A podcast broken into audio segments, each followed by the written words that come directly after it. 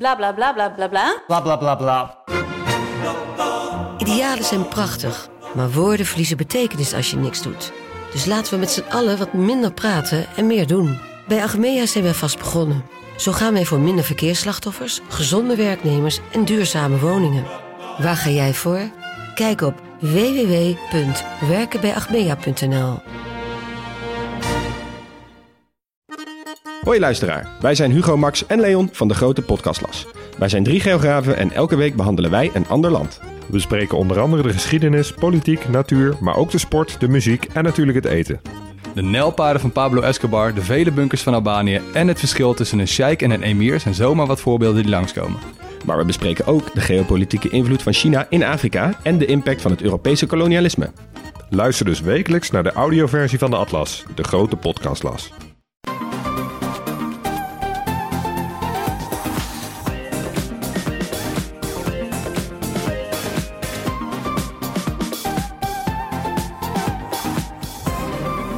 Welkom bij de Bright Podcast van woensdag 26 augustus. Tof dat je weer luistert. Zoals je van ons gewend bent, praten we hierbij over de trending topics in tech. Voortaan zijn we dus op woensdag in plaats van donderdag. Mijn naam is Floris en ingeprikt zijn Marijn. Yo. En Tony. Hoi hoi. Waar gaan we het deze week allemaal over hebben? Uh, we blikken straks even terug op de vorderingen in de zaak tussen Epic en Apple. We gaan ook in op een nieuwe functie van Disney Plus en een opvallende samenwerking tussen Huawei en Amsterdamse universiteiten. Maar we beginnen met de aankondiging van Fitbit. Slimme horloges en fitnesstrackers leggen steeds meer de nadruk op gezondheid, op de gezondheid van de gebruiker. De, het zijn al lang geen simpele stappentellers meer, de gadgets waar Fitbit ooit mee begon. En deze week kondigde Fitbit nieuwe smartwatches aan, waaronder eentje die zelfs stress meet. Uh, Tony, jij volgde die presentatie, hoe zit dat? Ja, uh, Fitbit uh, die presenteerde wat het zelf noemt uh, zijn meest geavanceerde horloge tot nu toe. Dat is de Fitbit Sense. En het is de eerste smartwatch met een EDA-sensor voor het meten van stress. Ja, wow. ja dat is wat Fitbit dan claimt de grootste innovatie in, in dit nieuwe model. En die meet de variatie in de elektrische eigenschappen van de huid. Dus je legt je handpalm over het horloge heen... En, en, die stelt dan allerlei kleine elektrische veranderingen in de mate van zweet op je huid, huid vast. En ja, dat zou dan helpen om de reactie van jouw lichaam op stressfactoren te begrijpen en stress te beheersen.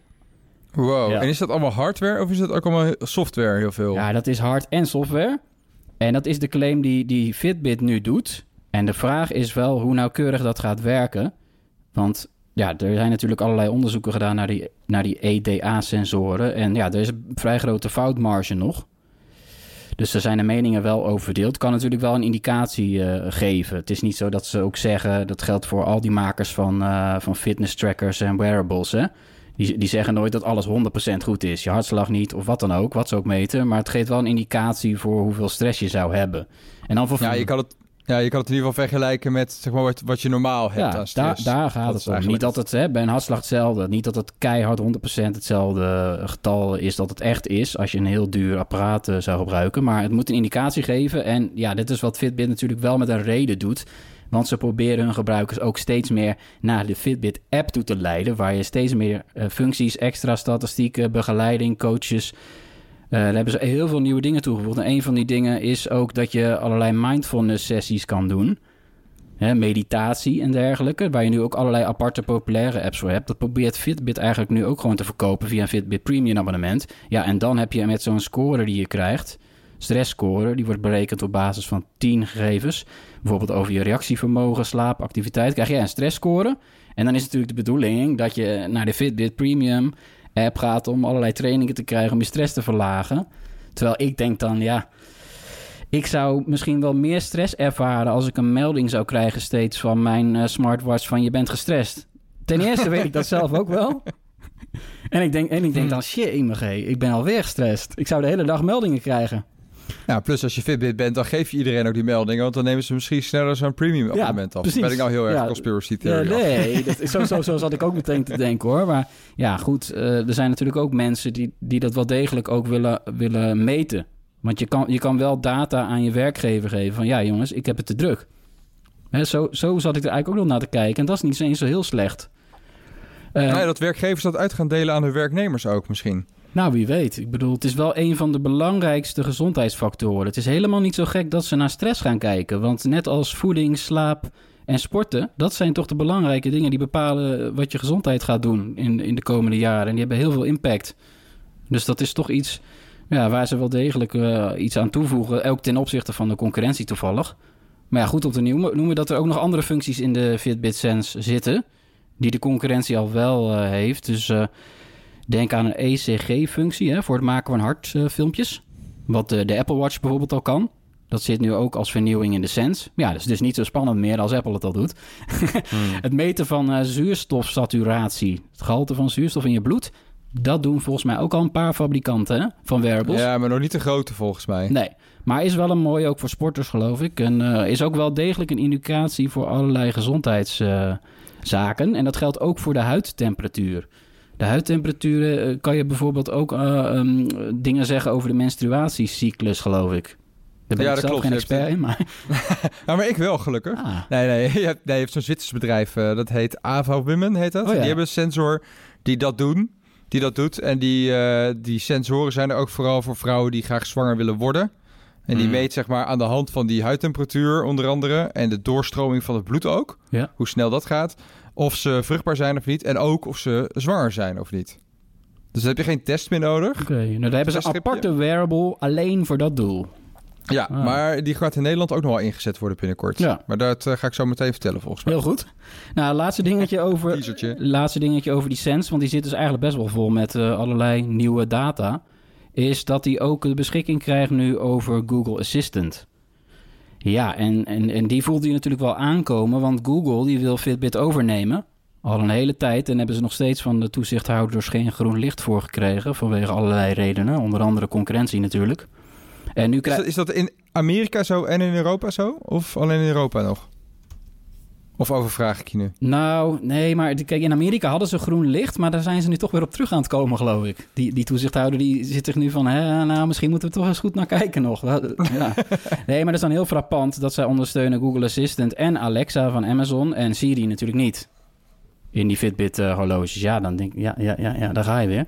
Maar goed, je zou dus allerlei smartwatch uh, dingen kunnen doen met spraakbesturing. dat is ook een, een, nieuw feature. Uh, Fitbit Sense is dus eind september te koop voor 330 euro. Ja. Oké. Okay. Wat vind je, Floris, jij praat wel eens tegen je smartwatch, toch? Ik heb het al nooit gedaan. Ja, ik, licht en timers. Dus de, zeg maar die dingen, de enige dingen die ik überhaupt doe met spraakassistenten. Dat doe ik ook wel eens op mijn horloge, ja. Oh. Oké. En bij, ja, want bij een Apple Watch kan je sinds een tijdje... dan kun je gewoon dus het ding naar je mond tillen... en beginnen met praten. En ik vind oh, dus je ook geen Siri te zeggen? Nee, en dat, dat, dat vind ik altijd weer irritant. Want dan sta je weer te wachten. Terwijl eigenlijk moet je dan gewoon doorpraten tegenwoordig. Maar nee, dat vind ik allemaal gedoe. Of dan reageert allemaal apparaat. Terwijl als je gewoon het ding optilt en bij dan pakt hij het eigenlijk altijd wel. Wat ik, echt, wat, ik echt, wat ik echt een ding vind wat nog opgelost moet worden. Het is helemaal off-topic dit. Het gaat over uh, spraakassistenten. Maar als je in de auto met Bluetooth, als je telefoon daarmee verbonden is, dat het nooit werkt omdat er heel veel vertraging op zit. Dus voor die autosituaties moeten ze... Nou goed, sorry, dat is een persoonlijke frustratie. Ja. Moeten gewoon zorgen dat de assistent zonder die Bluetooth-verbinding te bereiken is. Maar altijd gewoon via de telefoonmicrofoon. Nou, ik snap wat je bedoelt. Want dan denk ik, ik vraag even iets en dan duurt het zo lang dat je denkt het is mislukt. Dus dan vraag je nog een keer en dan praat je er doorheen. Ja. ja. ja. Nee, maar als je iPhone gebruiker bent en je overweegt een, een, wearable, ja, dan kijk je daar natuurlijk wel naar van, oh, aardig, nieuwe Fitbits. Ah, geen Siri. Ja, zo zou ik er wel naar kijken. Maar zo kijkt Fitbit er niet naar. Nee. Nee. Maar goed, weet je, ze, ze pakken dus uh, uh, al die data bij elkaar en hebben ze steeds completer beeld van onze algehele gezondheid, zeg maar. In alle facetten, steeds meer dus, door die, al die sensoren. En uh, Fitbit zegt zelfs dat het met al die data de besmettingen van corona eerder kan vaststellen. Toch Marijn? Uh, ja, ja, ja, ze hebben een studie uitgevoerd. Die hebben ze in mei al aangekondigd hè, dat ze dat gingen doen. Of mm in de lente in ieder geval. Uh, die studie hebben ze gedaan onder meer dan 100.000 Canadezen en Amerikanen. 132.000 zelfs. En eigenlijk hebben ze daar met heel wat basic sensoren hebben ze eh, metingen gedaan. De ademhalingritme in de slaap, het hartritme in rust. Dat is vlak voordat je wakker wordt. En de variatie in het hartritme. Door die drie dingen samen te voegen en daarna te kijken... konden ze al voorspellen of iemand bijvoorbeeld COVID had of niet... zonder dat hij symptomen had. Dus in de helft van de gevallen wist de tracker al een dag voordat de proefpersoon dan symptomen kreeg, dat hij waarschijnlijk ziek was geworden door het coronavirus.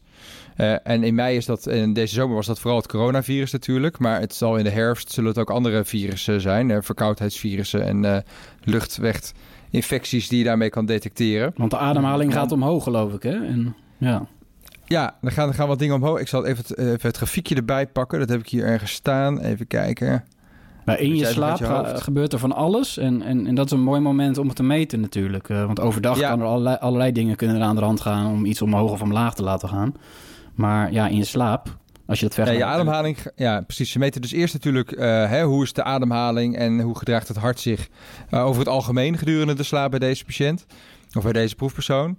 En als ze dan inderdaad zien dat de ademhaling versnelt... en het hartritme ook en het hartrustmoment naar beneden gaat, dan is dat een indicatie van uh, dat, uh, ja, dat er toch iets aan de hand is waarschijnlijk. En dat je dus in potentie zou je dan dus een notificatie kunnen krijgen. Dat gebeurt nu nog niet. Maar dan zou je dus een notificatie kunnen krijgen van blijf thuis vanaf nu. Want waarschijnlijk heb je iets onder te leden waarmee je andere mensen kunt besmetten.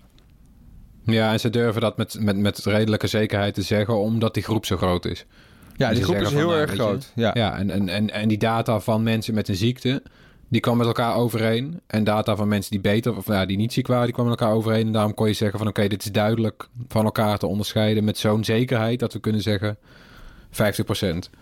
Ja, ja, dat klopt inderdaad. Maar het is nog steeds een vroege studie. Hij wordt nog steeds hij wordt nog gecheckt door andere wetenschappers hè, die niet mee hebben gedaan aan, de, aan deze studie van Fitbit. Die ze in mhm. samenwerking doen met uh, Stanford onder andere.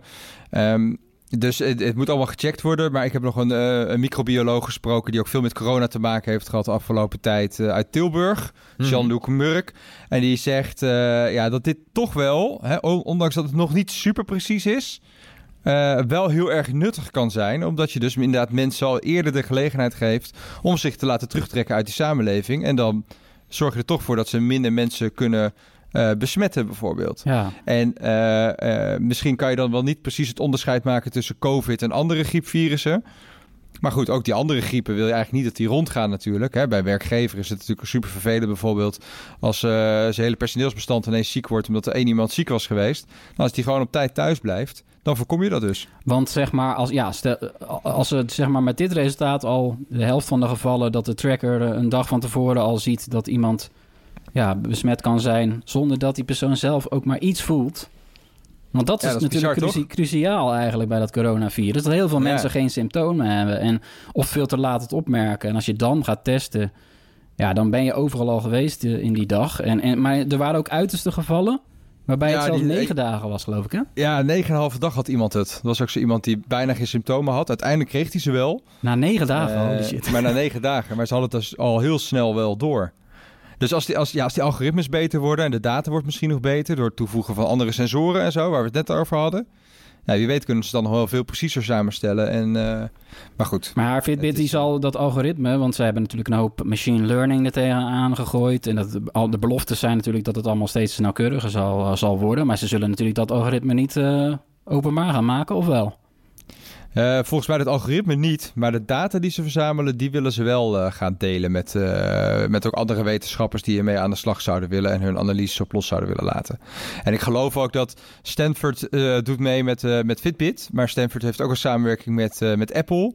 dus ik geloof ook dat die datasets van de Apple Watches die daar worden verzameld, waar we ongetwijfeld misschien wel in september iets van horen tijdens de grote keynote van Apple als die komt, uh, dat die datasets ook nog bij elkaar kunnen worden geveegd. En dat daar misschien nog meer uit te halen is. Ja, we hadden, we hadden Apple nog gevraagd. Hè, om een, ik heb nog een contact gehad met Apple, maar uh, nee, geen, uh, geen reactie. Of wanneer, uh, wanneer die data van het hmm. Apple Watch onderzoek zou Straks komen. tijdens de keynote, Apple lost coronavirus op met, uh, met Apple Watch. Ja, ik weet niet of Apple zoiets aandurft. Ik vind van Fitbit is het natuurlijk ook nog wel relatief gewaagd. Want een hele hoop mensen kunnen meteen gaan, gaan blaren van... ja, dit is uh, om meer spullen te verkopen. Daarom hebben jullie het onderzoek gedaan. Maar ja... Ja. Goed. Nou, er zijn nog wel Ja. dingen op af te dingen hè, op het onderzoek. Want eh, bijvoorbeeld, eh, het was allemaal, die symptomen moesten zelf worden aangegeven in een app. Er wordt elke dag gevraagd, heb je die, die symptomen al? Het was niet zo dat eh, onderzoekers of onderzoeksassistenten mensen hebben gebeld of zo om dingen na te vragen. Dus het is, het is, het is een onderzoek, het is gedaan. maar het, het, volgens die Merck die ik had gesproken, die, die arts, had het ook nog wel ietsje preciezer gekund. Ja, nee, goed. Ze hebben, ze hebben dit wel gedurende enkele maanden gedaan. Dus dat spreekt ook weer in het voordeel dat het niet een, een dingetje is Ja. van een paar weken. Ze hebben echt de tijd genomen. Volgens mij waren ze in april al gestart. En eh, ja, dat gebeurt wel vaker op basis van enquêtes hoor, wetenschappelijke onderzoeken. Als je Ja, maar een true. representatieve groep hebt en, en als er maar zuivere data uitkomt die niet, niet, ja, niet vervuild zijn door allerlei vooroordelen en dergelijke. Kijk, de belofte is natuurlijk wel heel mooi. De belofte is dat je specifieke data krijgt die, die eerder kan waarschuwen, waardoor je eerder zou gaan testen. En dus ook eigenlijk meer mensen in quarantaine krijgt die eigenlijk nog helemaal niks voelen. Ja, Wat nu het Ja, wel allergrootste probleem is natuurlijk. En ik zou eigenlijk denken van met gewone griep. Hè, hoe zit het daarmee? Is dit ook fijn? Ja, is ook fijn Ja, als je we- het weet. Nou ja, die arts die verwacht dus dat je bij gewone griep de- dezelfde soort indicatoren krijgt als bij het coronavirus of bij COVID-19.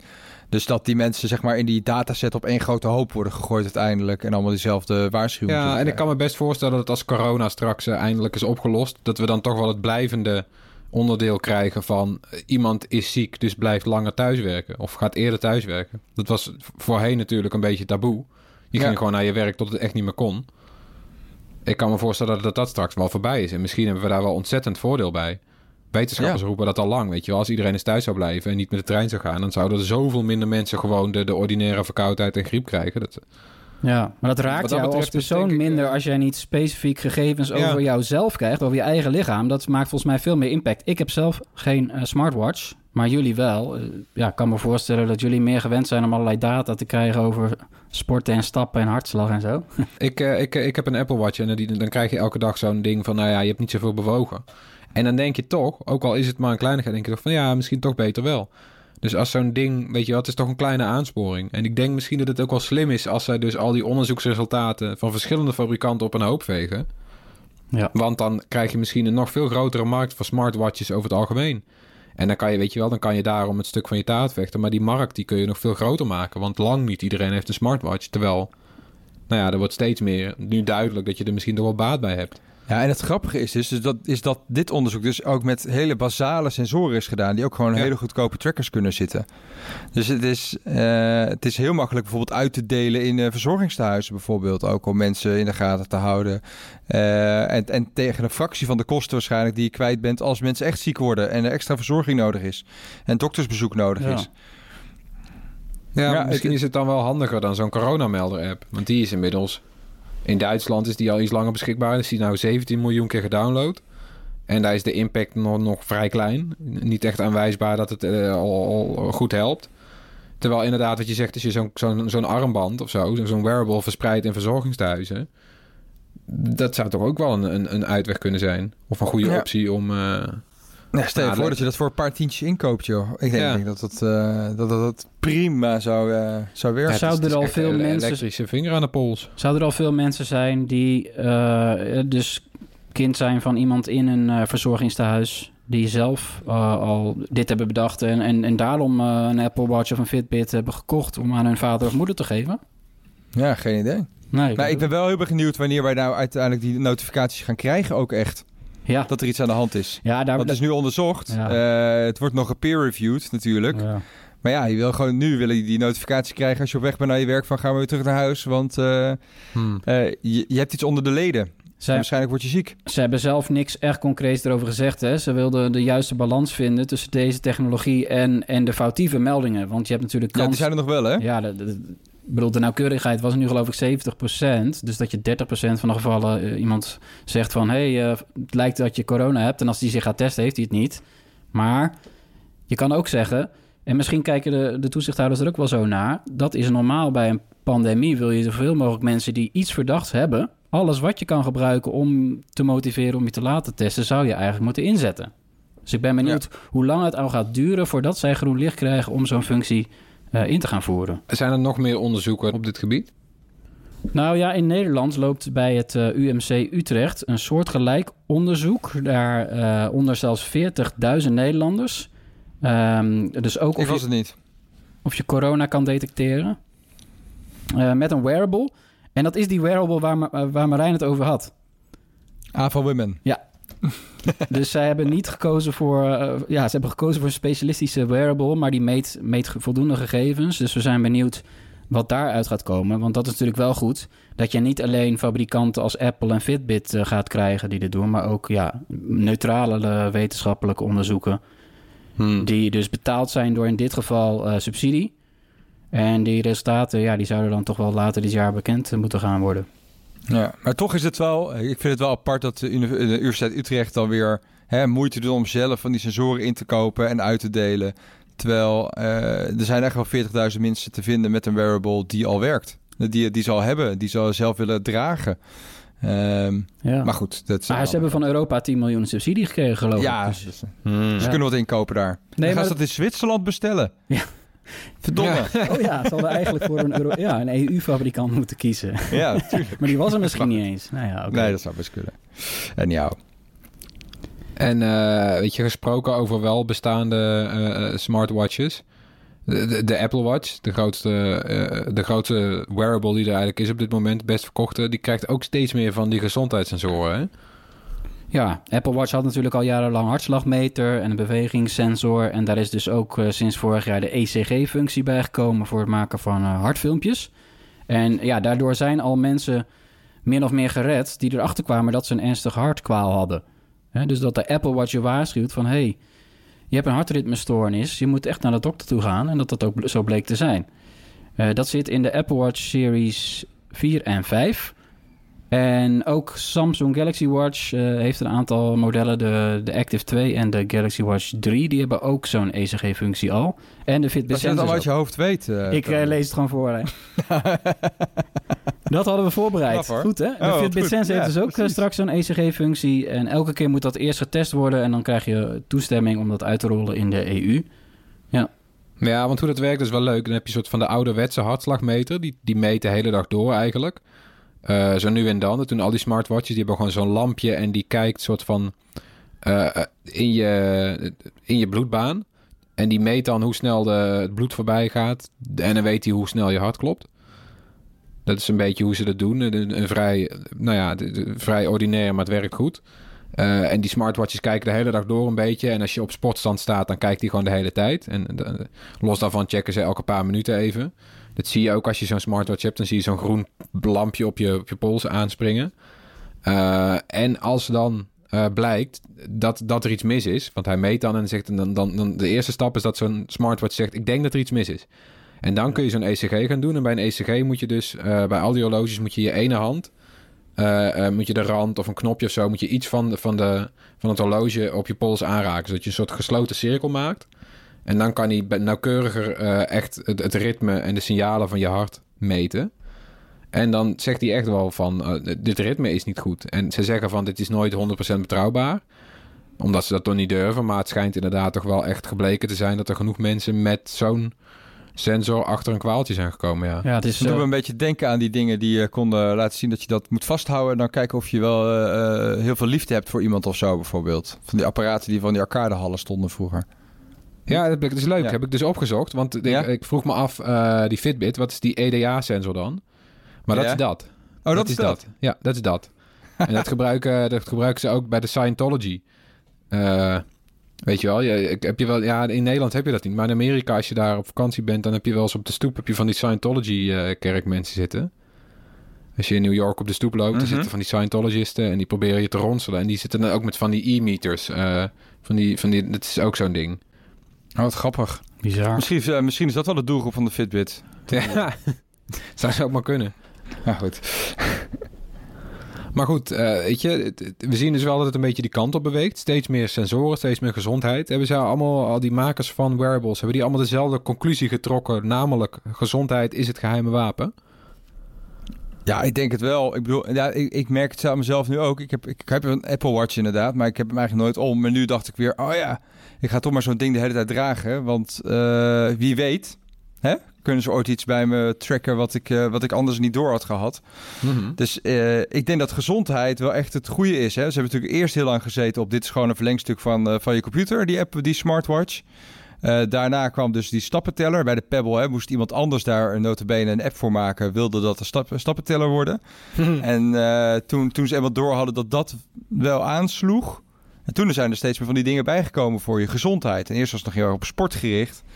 Maar het is nu toch wel echt gewoon health. Het is gewoon, eh, het, ja, mensen willen gewoon dingen weten over gezondheid.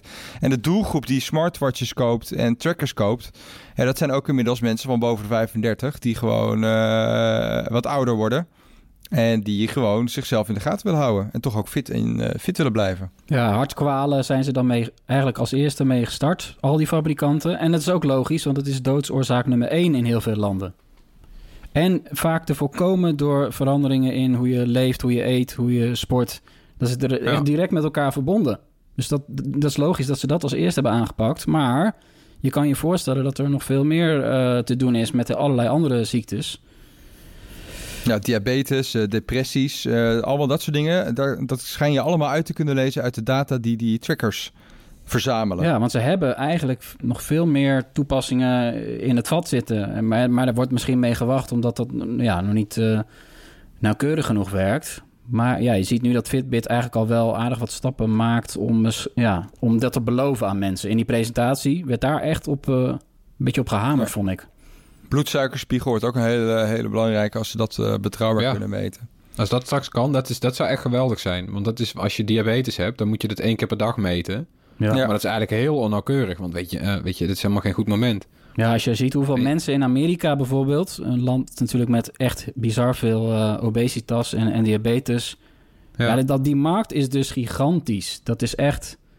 Echt ja maar die mensen, je kan als je diabetes hebt, ben je er ook echt mee geholpen als je de hele dag door je bloedsuikerspiegel meet. Want dan kun je, die, dan kun je, dan kun je veel beter je, je medicijnen nemen. Ja, die Of ja, gewoon je, je suikerspiegel regelen zelf. ja, de vraag is dus alleen, moeten we dat aan Big Tech overlaten of, of niet? Ja. er zit niks anders op, eh, lijkt het wel, hè?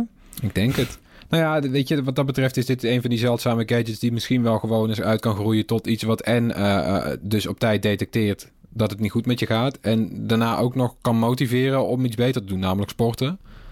Eh, wat ik ook wel zelf, de, de, de reden dat ik ooit een smartwatch ben gaan dragen, is omdat ik merkte, toen ik hem gewoon testte, weet je wel, kregen we op de redactie smartwatches opgestuurd en ik merkte dat als dan die notificaties binnenkomen op je pols en je ziet, oh wacht, dit is iets waar ik nu niks aan hoef te doen, dan kon ik veel beter mijn telefoon in mijn zak laten zitten. Terwijl als ik mijn telefoon voelde trillen, dan ging ik kijken wat het was. Dan haalde ik hem uit mijn zak en dan ben je al halverwege. Dan zie je, oh, daar hoef ik niks mee te doen. Maar nu ik mijn telefoon toch in mijn hand heb, ga ik even dit en dat en dat doen. En voor je het weet ben je weer 10 minuten verder. En als je dat op een dag een paar keer doet, dan ben je zo twee uur kwijt. Mij, Dus je- Voor mij was juist de reden om geen wearable te kopen... dat ik eh, juist die notificaties op mijn pols absoluut niet wil. Die Fitbit, Ja. die Fitbit zou detecteren... elke keer als ik een notificatie krijg... gaat mijn stressniveau omhoog. dat is wel handig. Ja, te maar dat heb ik ook gedaan. Bij mijn watch, bij mijn Apple Watch, toen ik hem nog droeg, eh, was gewoon, eh, ik had alle notificaties uitstaan. Dus de facto gebruikte ik hem eigenlijk gewoon als horloge. Ja, precies. Ja. Ja. Nee, maar nu, ik nu heb ik er al heel deze veel heb functies ik uitstaan, ja. denk ik van... hé, hey, dit is zo gek nog niet. Dus dit zou zelfs mensen over de... Ja, dit kan mensen over de streep trekken... die nu eigenlijk nog helemaal geen nut voor zo'n eh, product zien. Ja, en het moet wel tweeledig zijn. Want je, het, is, het zijn heel veel passieve eh, toepassingen, weet je wel. Hij zoekt eigenlijk op de achtergrond, zoekt hij, als je hem elke dag draagt. Dus er moet ook wel genoeg leuk nut aan zitten. Eh, maar als, hij, als je hem op de achtergrond draagt, dan waarschuwt hij voor van alles. Want ook wat er nu bijvoorbeeld al in zit, wat, ook, wat ik anders, nou ja, had ik ook wel kunnen bedenken. Maar er zit ook een decibelmeter in sinds kort. En die waarschuwt dan als je in een te luide omgeving staat. En ik had laatst, mijn, eh, mijn kind was aan het huilen. Eh, toen ik zijn luier aan het verschonen was. En eh, da- dan slaat gewoon die Apple Watch aan. Die zegt, je hebt, die staat, dit is te hard. Dit is, dit is weg. gehoorschade. Ja, dit is gehoor- gehoorschade als je hierin blijft staan. En dat had ik op zichzelf ook wel kunnen raden. Maar het is toch wel leuk als je die bevest, eh, bevestiging dan krijgt. Over lange geluiden gesproken, Ja. het hoorspel. In het hoorspel laten we elke week een techgeluid horen. Dit was het geluid van de vorige keer.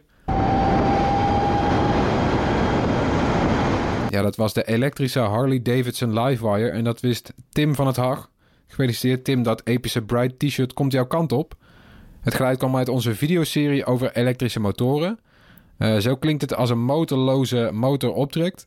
Het tweede deel van die serie staat inmiddels op ons YouTube-kanaal. En de volgende twee afleveringen die volgen de komende weken.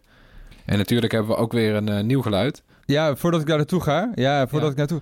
Hey, ehm, eh, er zijn heel veel mensen die hebben nog geen t-shirt gehad. En als je luistert, je hebt nog geen t-shirt gehad. Het is onderweg. Het is onderweg. Ja, Oké, dan nu een nieuwe geluid. Want, ook, wij, eh, ook ja. wij hadden wat vertraging. Ja. Ja. Komt, het, eh, komt het geluid van deze week?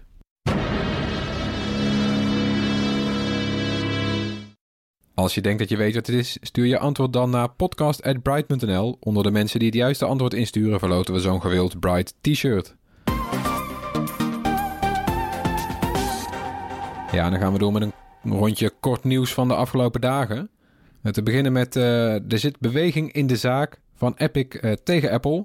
De rechter heeft de eerste uitspraak gedaan en die luidt als volgt. Apple mag Fortnite blijven blokkeren in de App Store, maar mag niet de ontwikkelaccounts van Epic sluiten. Apple had daarmee gedreigd. Maar, daarmee sluiten, maar het sluiten van die account zou ook de Unreal Engine in gevaar brengen. En daarmee games van allerlei ontwikkelaars die helemaal geen aandeel hebben in die ruzie tussen Epic en Apple. Eh, en inmiddels is ook duidelijk dat Epic zich al een paar maanden voorbereidde op deze oorlog tegen Apple. Epic wilde eigenlijk dat Apple hen eh, dat geen commissie meer zou rekenen eh, in de App Store. En Apple, Epic wilde ook zijn eigen appwinkel op iOS openen. En Apple ging daar niet mee akkoord. En toen dreigde Epic met een strijd die volgens hun prima jaren kon, kon duren.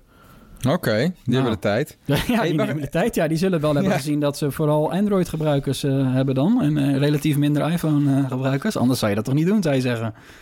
Gaat ze veel geld kosten. Het gaat nu heel tijd over Epic en Apple, hè? Maar hoe zit het met die App Store op Android dan? Die Google Play Store? Ja, dat, is, dat, dat wordt minder op de, op, de, op de voorgrond gevoerd, die strijd. Oké, maar die is er ook nog steeds, toch? Daar zijn ze nog... Ja, die is er ook nog steeds. Alleen Google die laat volgens mij wel op een, op een bepaalde manier niet voor in-app aankopen. Mag je bij Google ook geen eigen betaalsysteem doen. Maar je mag daar wel doorverwijzen weer dan naar een eigen abonnement.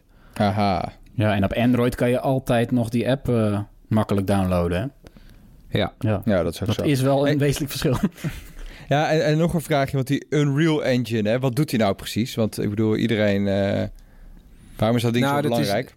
Ja dat, is, dat heet ook een engine. Het is, het is zeg maar echt de motor waar een game op draait. De ruggengraat van een game. En er zijn heel veel grote games die gebruiken dat. Het is heel ingewikkeld om te ontwikkelen. Het is, een, ja, het is, het is de software kit waarmee je een game bouwt. En eh, nou ja, die, die eh, licenseert Unreal aan allemaal bedrijven. Dus er zijn allemaal gamemakers en die maken een game daarop. Eh, en afhankelijk van hoe goed die game verkocht wordt, pakt Epic daar een, een x percentage van. Want Unreal is van Epic. Ja. Ah, kijk. Check. Ja, dat is van Epic en dat is, nou ja, dat, dat zijn, zij maken zelf games, maar ze maken ook software waar je games mee kan maken.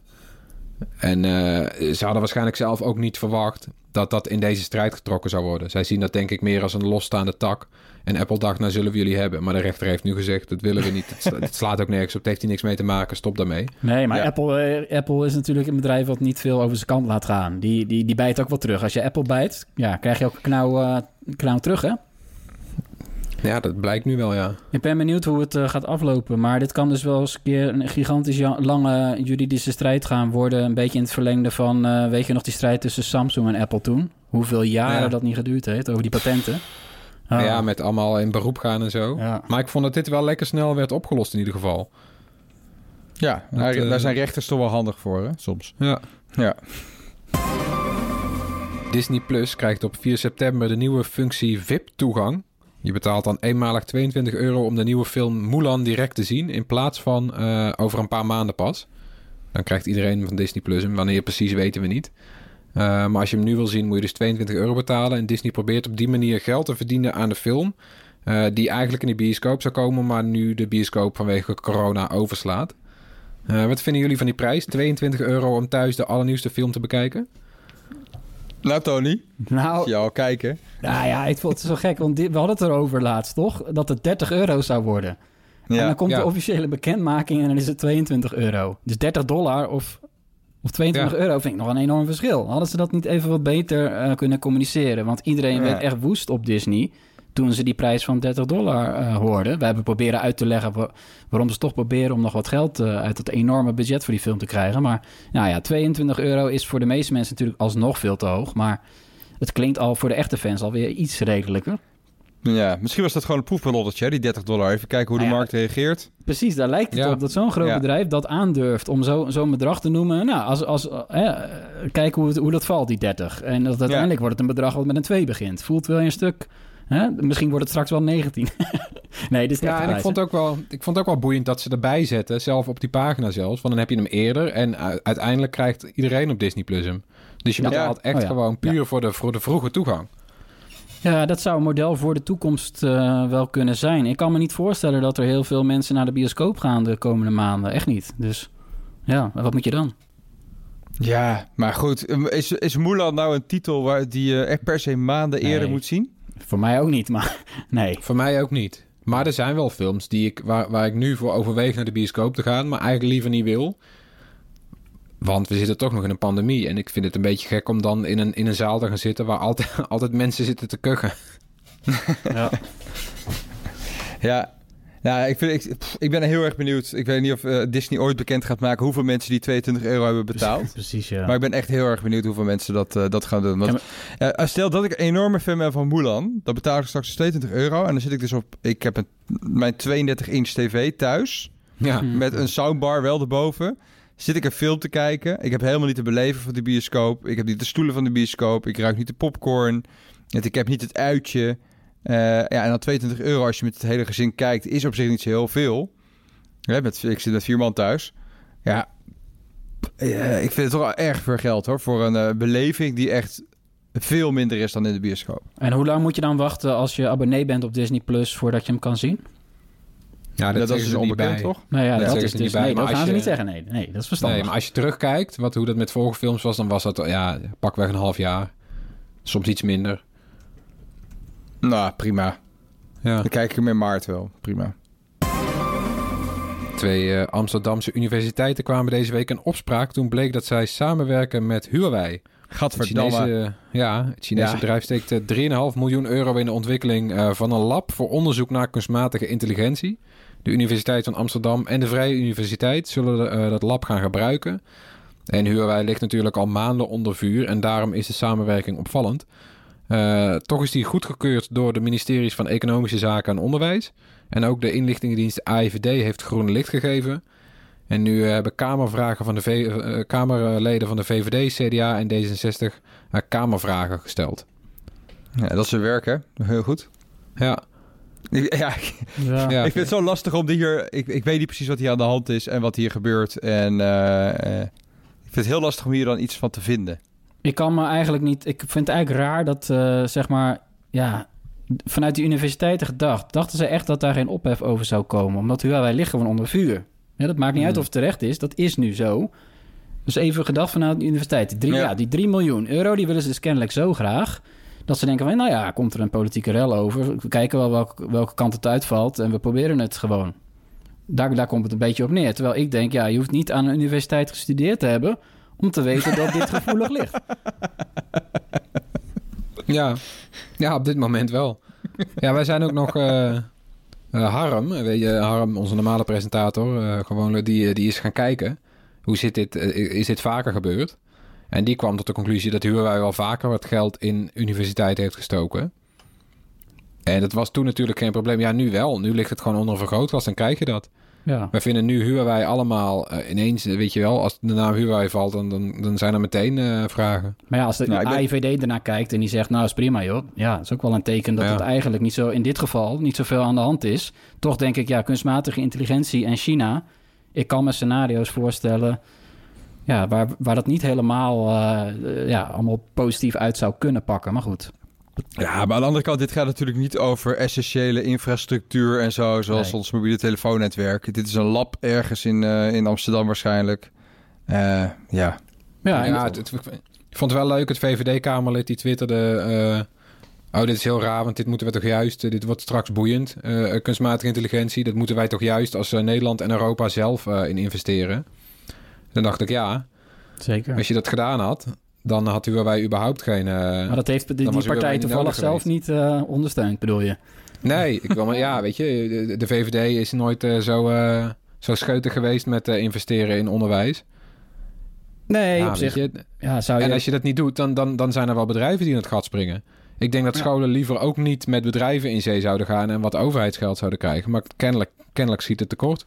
Nee, maar dat is niet zo vreemd. Microsoft heeft ook allerlei eh, projecten toch met de wetenschap in, eh, in Nederland lopen. Ja, Ja, Ja. de quantumcomputer en zo, TU. Ja. Ja. Delft. dus zo vreemd is het eigenlijk niet. En eh, ik ben benieuwd of de regering daar dan een stokje voor gaat steken. We gaan het zien, hè? Ja, ter afsluiting hebben we nog wat tips voor je. Eh, begin ik even zelf en ik eh, heb een tip. Je begint altijd mee- zelf, Floris. Is het zo? Ja, volgens mij wel. Maar dat maakt Nou, niet uit. niet. Ga door. Nee, maakt niet uit. Nou, ik, ik begin nu ook... eh, ik geef een tip die Erwin had willen geven als hij hier geweest was. Oh ja, dat is wel weer nobel. Ja. Erwin is trouwens is, druk eh, bezig met het opname van een video. Voor de, voor de Erwin-fans er van deze podcast. Hij is er volgende week weer. Absoluut. En eh, ik geef ook eh, een, een tip eh, van hem en dat is de film Tenet. Ik heb, ik heb er zelf ontzettend veel zin in. En het is een film waar ik dus voor naar de bioscoop zou gaan. Eh, en nog overwegen of ik echt wil gaan. Het is de nieuwe film van Christopher Nolan. Die we kennen van Inception en Interstellar. En Tenet is een beetje een film, eh, als ik de review van Erwin goed lees... in, eh, in de trant van vooral Inception. Echt zo'n mindfuck met prachtige beelden. Een heleboel goede acteurs. Een film waar je nou ja, in de war vandaan komt. Ja, want het, En- het is niet helemaal duidelijk wat het verhaal nou precies is, hè? Lees, las ik ook eens een review. Nee, en ik heb ook geen zin om me er nu al in te verdiepen. Want ik wil me het liefst ook een beetje laten overrompelen door zo'n film. Nou ja, Erwin, Erwin was er zeer over te spreken. Hij vond het een, eh, een hele mooie film. En als je hem dan toch in de bioscoop gaat kijken... is de tip, eh, kijk hem in 70 mm. En dat kan in, eh, in Amsterdam en in Rotterdam. In Amsterdam kan het volgens mij in het iFilm Museum. In Rotterdam heb ik even niet paraat. Maar dat schijnt eh, volgens eh, Christopher Nolan zelf de mooiste versie te zijn. Eh, Want het is ook Ga vooral een... vooral niet via Disney Plus kijken voor 22 euro op je 32-inch HD Ready TV. nee. Nee. Nee, het is- het is volgens mij vooral een ervaring. Ik, ik geloof dat Erwin zelf de hele film een mondkop, mondkapje op had gehouden. Respect daarvoor. En dat- dat je dus eh, allerlei associaties en zo gaat maken. En, nou ja, zo'n film waarbij je misschien over een paar jaar... dat er iets in het echte leven gebeurt... waarbij iedereen roept op social media... het is net Tenet. Ja, Tenet Ja. dus. Als je be- benieuwd bent geworden, lees, eh, lees de review op onze site. Dan gaan we naar de tip van Tony. Ik heb een tip voor de Chrome-gebruikers, Google Chrome. Er is eh, nu eindelijk de nieuwe functie om tabbladen in groepen in en uit te klappen. Je kon al een tijdje kon je eh, tabbladen groeperen. En dat is handig, want dan kan je bijvoorbeeld privé dingen en werkdingen een beetje scheiden. Of allerlei ja, zaken waar je mee bezig bent kun je groeperen. In die in mijn geval eindeloze balk met tabbladen. Eh, maar in de nieuwste update, dat is Chrome 85... Eh, daar kan je dus ook voor zorgen dat, dat zo'n groep in- en uit te klappen is. En dat bespaart je zoveel ruimte op je scherm. Hè, eindelijk. en eh, als je die functie nog niet ziet, want die wil je eigenlijk als ik dit zo schrijf, ja, die wil je toch eigenlijk meteen voor de, voor de vaste gebruikers van, van Chrome met heel veel tabbladen open. Dit wil je. Je kan ook ervoor zorgen dat eh, je intikt in eh, de adresbalk chrome slash slash flags. En als je dan tab groups en tab groups collapse aanzet, dan kan je lekker groepen tabbladen in en uitklappen. Goh, Een lekkere tip dit, Tony. Gaat veel eh, Ja. tijd besparen, hopelijk. Gaan we naar de tip van Marijn. Ja, een kwestie van omdenken. Mijn tip is een eh, artikel eh, op de correspondent. En eh, de kop boven het artikel is... Loopt het kind op de weg of loopt de weg door zijn speelruimte? Ja, denk daar maar eens even over na, jongens. Oh ja, mooi. Ja? Nou, dat gaat, dat, gaat- het artikel gaat erover dat wij eigenlijk toch met z'n allen redelijk van de pot zijn gerukt. Dat we eh, auto's eh, zoveel plek op ons, eh, openbare, in onze openbare ruimte laten innemen. En dat we iedereen, kinderen van jongs af aan, leren om op te passen. Toch vooral voor de auto's, want die hebben ruimte nodig. En je moet bij het oversteken opletten dat je recht oversteekt. Terwijl ruim 100 jaar geleden was het natuurlijk zo dat de openbare ruimte was van iedereen. Daar kwam je je vrienden en familie tegen, daar kwam je je buren tegen, daar kletste je, daar speelde je, daar picknickte je, daar deed je alles. En als er dan eens in de zoveel tijd een auto voorbij kwam, die gewoon heel voorzichtig ging die door die mensen heen manoeuvreren, een heel rustig tempo. En op een of andere manier is dat dus in de, de afgelopen eeuw veranderd in... We leggen hier een weg aan en daar een weg aan en daar een weg aan. En daar mag die auto rijden en daar moet verder iedereen vanaf blijven. Dus bedenk je even hoeveel ruimte er ontstaat als al die wegen gewoon weer openbaar zijn voor iedereen. Nou zie ik dat echt niet gebeuren. Maar het is wel iets om even bij stil te staan. En misschien eh, eh, zegt het ook iets over eh, ja, goed, hoe wij misschien weer anders tegen auto's kunnen gaan aankijken. Want als je van de ene kant naar de andere kant kan, hè, dus van openbare ruimte voor iedereen naar openbare ruimte voor de auto, dan moet het er ook weer andersom Ja. kunnen, zou je zo denken. Dus jij zegt eigenlijk, hoewel jij autobezitter bent... Ja. Hè, en, en, en kinderen hebt, zeg je eigenlijk... de balans is, is eigenlijk naar de verkeerde kant... helemaal naar de verkeerde kant toegeslagen. En wanneer gaan we dit weer eens een keer wat beter in, in balans brengen? Want wat nu... Ja, het is, het is jammer voor de leefbaarheid van de stad. Ja, het, is, het is lelijk. Het is voor de leefbaarheid niet goed. Die auto's staan. Hoeveel procent van de tijd staan die stil? 80 procent, voor mij 90 procent. Ja, die moeten eigenlijk gewoon in grote parkeergarages, kelders staan aan de rand van, eh, van, eh, van steden. Jij vertelde dat dit Floris, dat in Tokio, dat eh, net voor de uitzending van. Eh, eh, dat in Tokio je nooit auto's geparkeerd ziet staan in het stadscentrum, omdat ze altijd, altijd weg uit het beeld zijn gezet. Ja, Ja, dat ziet er, het daarom ziet Tokio er zo mooi uit. Ja, ja maar dat, dat scheelt ook wel. En ik, ja, weet je, je zag het ook al eh, met corona. Dan reed ineens niemand en dan zag je weer kinderen op straat. Ja, dat is nou toch wel weer een beetje weg. Maar ik ben bijvoorbeeld wel blij bij mij in, eh, in Haarlem. Zijn ze steeds meer van het centrum autoloos aan het maken. Dus zeg maar die, eh, die paaltjes die uit de weg komen. Die zijn de afgelopen paar jaar steeds verder, eh, eh, eh, weet je wel, steeds verder op, op de weg gezet. Ja, Steeds groter gebied wordt afgesloten en dan mag je dan er wel in. Maar dan is het, weet je wel, s ochtends in de spits mag je erin. Maar de rest van de dag is het gewoon... kan iedereen over de weg lopen en fietsen. En dat is toch wel een stuk prettiger dan dat je steeds moet oppassen voor auto's. Ja, helemaal mee eens. Dus ga het artikel lezen, zou ik zeggen, op de correspondent. Of volg me even op Twitter. Marijn Dogge heet ik gewoon, heel simpel. En daar staat een linkje naar het artikel. Kan je het lezen. Bedankt weer voor het luisteren. Laat gerust iets van je horen. Mail naar podcast.bright.nl of zoek ons op op YouTube, Facebook of Instagram. En download de RTL Nieuws app. Tot volgende week. Bye. Joep.